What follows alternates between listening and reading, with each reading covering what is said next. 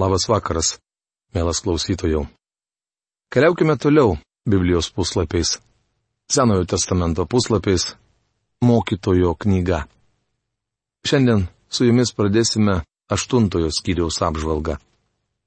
Prieš pradėdami, paveskime save Dievui ir paprašykime jo pagalbos suprasti šventojo rašto žodžius. Dangaus Dieve, Mes dėkojame tau už tavo sūnų Jėzų, per kurį, dėl kurio ir kuriame mes turime galimybę prieiti prie tavo malonės ir gailestingumo sosto. Mes dėkojame tau dangaus Dieve, kad tu kiekvieną tikintį, pasitikintį tavimi priėmiai, apvaliai ir vedi šio gyvenimo keliu savo šventosios dvasios gale, kurią mes galime pamatyti viešpate šioje nuostabioje knygoje. Ačiū tau, kad tu ją išsaugojai ir ačiū tau, kad tik tai tavo dvasios pagalba mes galime suprasti tuos išminties žodžius, taip reikalingus mums kasdieninėme gyvenime. Prašome tavęs, Dieve, kad tu būtų mums maloningas ir šį vakarą prabildamas per savo žodį. Meldžiame dangaus Dievę, kad tavo dvasia paliestų kiekvieno žmogaus širdį. Ir tuos, kas tavimi dar netiki arba nepasitikė tavimi, Dieve, tu galėtum atgimdyti savo amžinojo žodžio dvasia, paženklindamas atpirkimo dienai to žmonės. Ir prašome tavęs, kad kiekvienas, kuris jau esame žengę tą žingsnį savo gyvenime, tu atgaivintum to gyvybės vandeniu padėtų mums, Dieve, kasdieną savo gyvenimo pavyzdžių išaukštinti tave, tavo šventąjį vardą.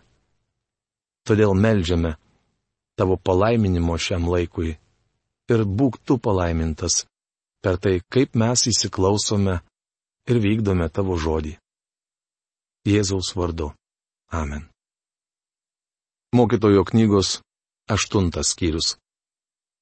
Šiame skyriuje toliau kalbama apie žmogų, kuris nėra nei karštas, nei šaltas. Dorovingai beselgiantys ir tariamai gerą darantys žmonės dažnai sako, jog savo gyvenime vadovaujasi auksinė taisyklė. Tačiau jų elgesys leidžia manyti, kad jie net nežino, kas toji auksinė taisyklė ir ko jį reikalauja. Saliamonas pastebi, kad iš pirmo žvilgsnio nedorėlis ir teisusis nelabai kuo skiriasi. Kas gali lyginti su išminčiumi ir visą tai paaiškinti? Žmogaus išmintis taip apšviečia jo veidą, kad sušvelnėja griežti jo bruožai. Mokytojo knygos aštuntos kiriaus pirmą eilutę žmogaus gyvenimą gali pakeisti tik tikroji išmintis, kuri yra Kristus. Tik jis gali suteikti džiaugsmą ir ramybę. Tik Kristus gali suteikti gyvenimui prasme. Kaip esi prisiekęs Dievui, taip ir vykdyk, ką karalius įsako. Neskubėk pasišalinti iš karaliaus akivaizdos, nors reikalas tau ir labai nemalonus būtų, nes jis daro, kas tik jam patinka. Mokytojo knygos aštuntos skyriaus antra trečia eilutės. Saliamonas patarė būti atsargiems, kad nepakliūtumėte į bėdą. Kadangi karaliaus žodis galingas, kas gali jam sakyti, kodėl taip darai? Mokytojo knygos aštuntos skyriaus ketvirta eilutė. Karalius gali ginti savo įsitikinimus, nes niekas neuždraus jam to daryti. Bičiuli, gyvenkite kaip karalius ir drąsiai liudykite Kristų. Kalbėjausi su vienu klajūnu, pamėgusiu hipių gyvenimo būdą. Paklausiau, kodėl jis taip apsirengęs ir pasirinko tokį gyvenimo būdą. Vaikinas atsakė, kad nori būti laisvas ir gyventi taip, kaip jam patinka. Tuomet paklausiau, ar draugai primtų jį, jei nueitų pas juos kitaip apsirengęs. Vaikinas pagalvojo minutėlę ir atsakė, tikriausiai ne. Tokia laisvė man pasirodė labai keista. Jauniems žmonėms atrodo, kad jiems būtinas bendramžių pripažinimas. Tačiau iš tikrųjų jie nežino, kas yra laisvė. Daugelis iš jų ima vartoti narkotikus tik todėl, kad nori įsiteikti draugams. Kalbėdamas su tuo jaunuoliu paklausiau, ar manai, kad aš esu nelaisvas dėl to, kad šitaip rengiuosi? Jis atsakė, jog būtent taip ir mano. Tuomet aš pasakiau jam, jog esu laisvesnis už jį. Papasakojau tam vaikinui, kad ne visuomet rengiuosi vienodai. Galiu apsirengti taip, kaip man patinka ir tai tiesa. Esu laisvas ir nesilaikau kokio nors šablono. Kalbėdamas su tuo jaunuoliu pabrėžiau, jog mes gyvename pasaulyje, kuris yra sukilęs prieš Dievą. Visa žmonija yra atsukusi jam nugarą. Tačiau aš galiu priklaupti prieš viešpati Jėzų Kristų, Galiu vadinti jį savo viešpačiu ir gelbėtoju. Tai tikra laisvė. Aš pasirinkau neplaukti pasroviui su visa minė. Pasakiau jam, jog jei nori patirti tikrą laisvę, gali ateiti pas Kristų. Jėzus sakė, jei sunus jūs išvaduos, tai būsite iš tiesų laisvi. Tai prašoma Jono Evangelijos 8 skyriaus 36 eilutėje. Štai kas yra laisvė. Žmonėms sunku suvokti, jog tariamai gerą darantis miešionis tiek pat sukilęs prieš Dievą, kiek ir kalėjime uždarytas nusikaltelis. Jis yra suvaržytas tam tikrų grupės taisyklių ar šablonų. Eidamas kelio viduriu, žmogus privalo laikytis nustatyto gyvenimo būdo. Kaip žmogus negali suvaldyti vėjo ar pasilaikyti gyvybės alsavimo, taip jis negali nustatyti savo mirties dienos. Tas mūšis neišvengiamas, o nedorumas bejėgis išgelbėti savo šeimininką. Mokytojo knygos 8 skyriaus 8 eilutė. Dažnai žmonės, stengdamiesi įsiteikti tiems, su kuriais bendrauja, šiek tiek išgeria. Jei ir toliau taip tęsis, vieną dieną jie taps alkoholikais. Jų mūsų šalyje, tarp kitko, tūkstančiai. Ir visi mano, kad svarbiausia yra tariamai daryti gerą. Galiausiai žmogų ištiks mirtis. Nes kaip verčia profesorius Algirdas Jurienas, niekas neturi galios mirties dienai. Kadangi bausmė už nedorus darbus vykdoma netu jau pat, žmogaus širdis įsidrasina daryti piktą. Mokytojo knygos 8 skyriaus 11 eilutė. Šie karaliaus Saliamono žodžiai puikiai atspindi dabartinę visuomenės būklę. Nebaudžiami žmonės elgesi vis nedoriau nes jų širdis kupina blogio. Net tie, kurie vadina save krikščionimis, daro nuodėmę sakydami, jau penkerius metus tai darau ir Dievas nesijima jokių priemonių. Atvirai kalbant, tai parodo Dievo nuosprendį tiems žmonėms. Jis nesijima jokių priemonių, nes laukia jų kelio gale. Iš tikrųjų, Dievas gali palaukti iki amžinybės, tačiau jūs negalite tiek laukti. Antro laiško korintiečiams šeštos kiriaus antroje eilutėje apaštalas Paulius rašo. Štai dabar palankus metas. Štai dabar išganimo diena. Dievas dovanoja jums šiandieną, kad galėtumėte atsigręžti į jį. Žemėje pasitaiko, tai irgi migla kad oram žmogui kartais atlyginama pagal nedorėlio darbus, o nedorėliui pagal gero žmogaus darbus. Kaip sakiau, tai irgi migla. Mokytojo knygos 8 skyriaus 14 eilutė. Saliamonas pastebėjo, kad iš pirmo žvilgsnio nedorėlis nelabai skiriasi nuo teisiojo. Regis, iš tikrųjų nėra skirtumo, ar žmogus nedoras ar teisus, nes abiejų galas vienodas. Užtat labai vertinu malonumą. Juk žmogui po saulė nėra nieko geriau, kaip valgyti, gerti ir mėgautis gyvenimu, nes tai lydės jį triūsiant per visas gyvenimo dienas, kurias Dievas jam suteiks po saulę. Mokytojo knygos 8 skyriaus 15 eilutė. Mokytojas sako, kad geriausia mėgautis gyvenimu ir triusu, kurį Dievas jam suteiks po saulę. Kitaip tariant, valgyti, gerti ir mėgautis gyvenimu. Tai tuščiausia gyvenimo filosofija. Mokytojo knygos devintas skyrius. Skaitydami aštuntą mokytojo knygos skyrių minėjome, kad dorovingi žmonės uoliai stengiasi daryti gerą. Jie sako, kad norint patekti į dangų reikia dorai gyventi ir sažiningai mokėti mokesčius. Liūdna. Bet taip masto ir elgesi dauguma žmonių. Tai mieščionys pasirenkantys patį gyvenimo kelio vidurį. Dažniausiai jie dirba didelio miesto pagrindinėje gatvėje įsikūrusioje kontoroje, kurią puošia spindinti neoninė iškaba.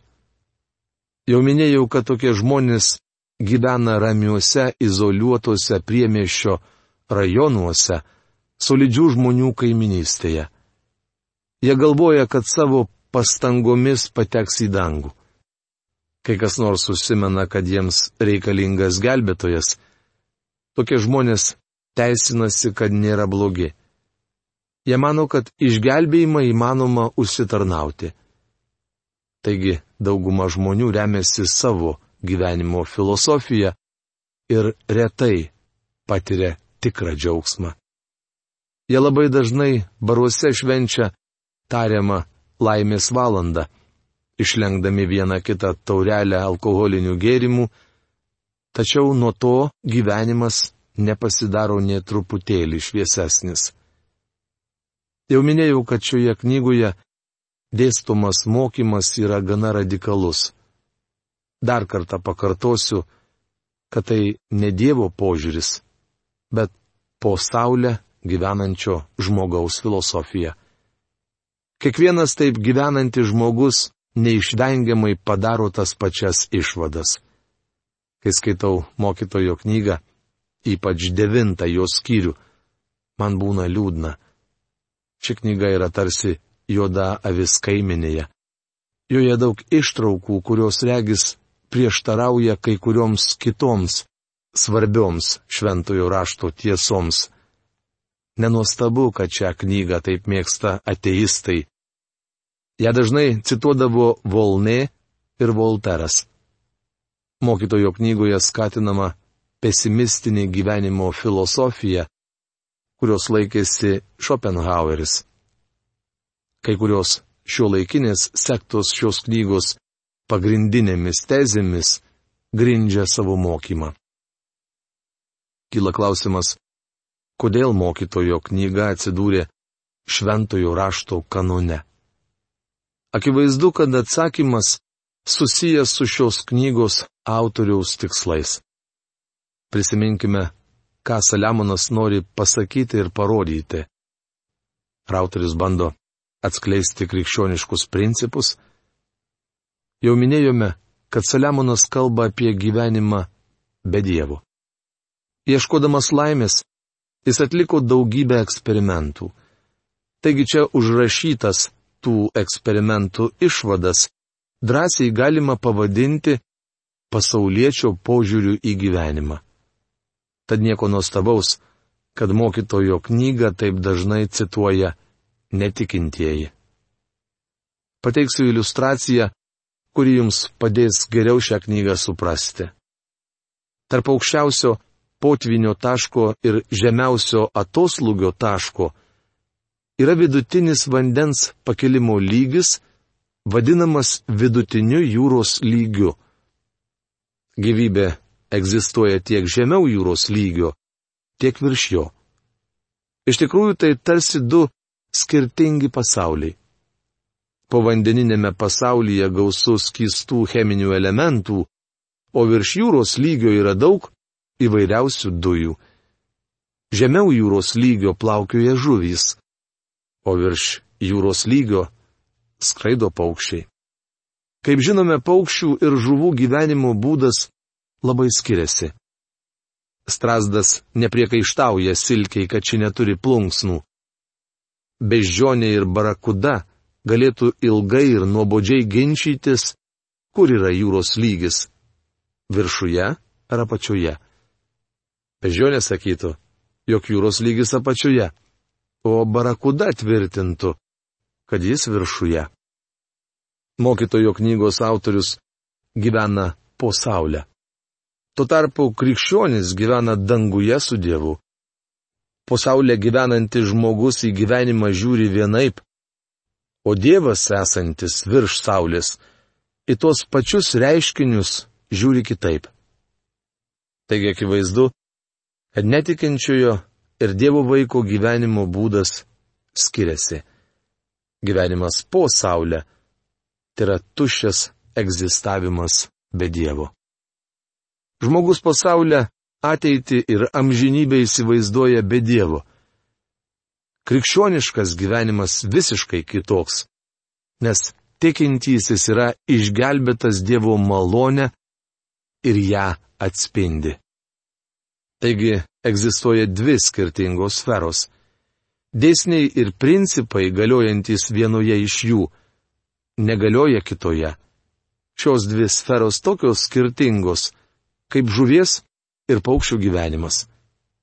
Dėl to netikinčiam net neverta sakyti, jeigu esate su Kristumi prikelti, siekite to, kas aukštybėse, kur Kristus sėdi Dievo dešinėje, kaip užrašyta kolosiečiams laiško trečios skyriaus pirmoje eilutėje. Ta žmogus net nėra Kristuje. Jis neprikeltas su Kristumi.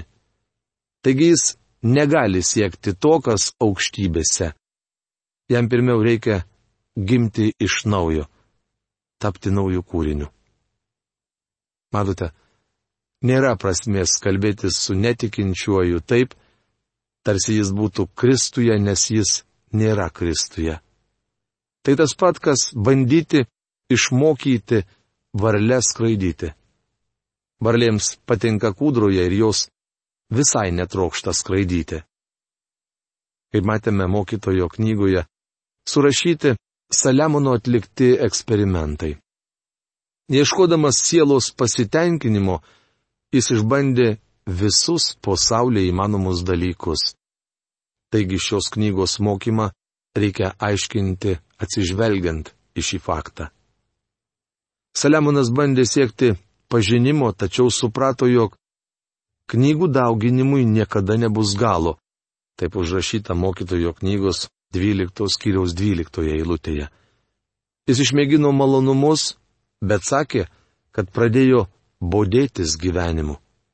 Saliamonas išbandė turtus ir priejo išvadą, kad pinigus mėgstantis niekada nepasisotina pinigais, kaip rašoma mokytojo knygos 5 skyriaus 10 eilutėje. Tuomet jis išbandė religiją ir padarė išvadą, kad ji paverčia žmogų bepročiu, reketininku, keistuoliu, sukčiumi arba tinginiu. Po to Saliamonas išbandė šlovę, gerą vardą ir moralę.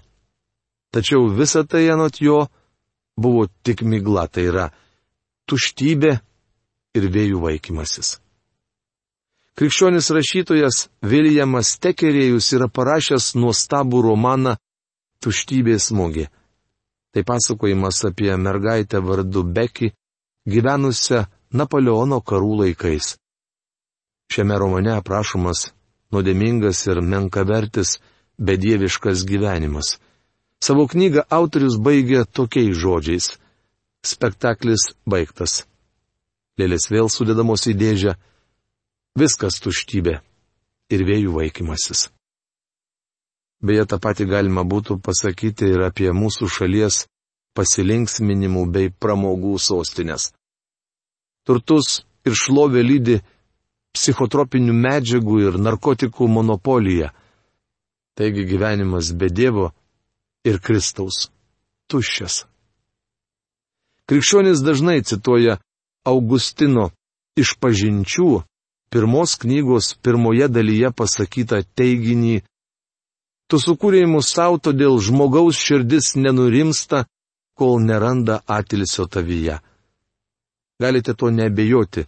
Žmogaus širdis sukurta taip, kad jos neužpildys net visas pasaulis. Mokytojo knygos citatomis kartais pagrindžiama socializmo ideologija. Norėčiau pasakyti, kad lasdos disciplina gali pakeisti tik Kristus. Visi kiti keliai veda į tuštybę ir nusivylimą. Tik Kristus suteikia gyvenimo pilnatvę. Mielas klausytojau, šiandien mes savo laidą baigiame. Iki greito susitikimo. Sudė.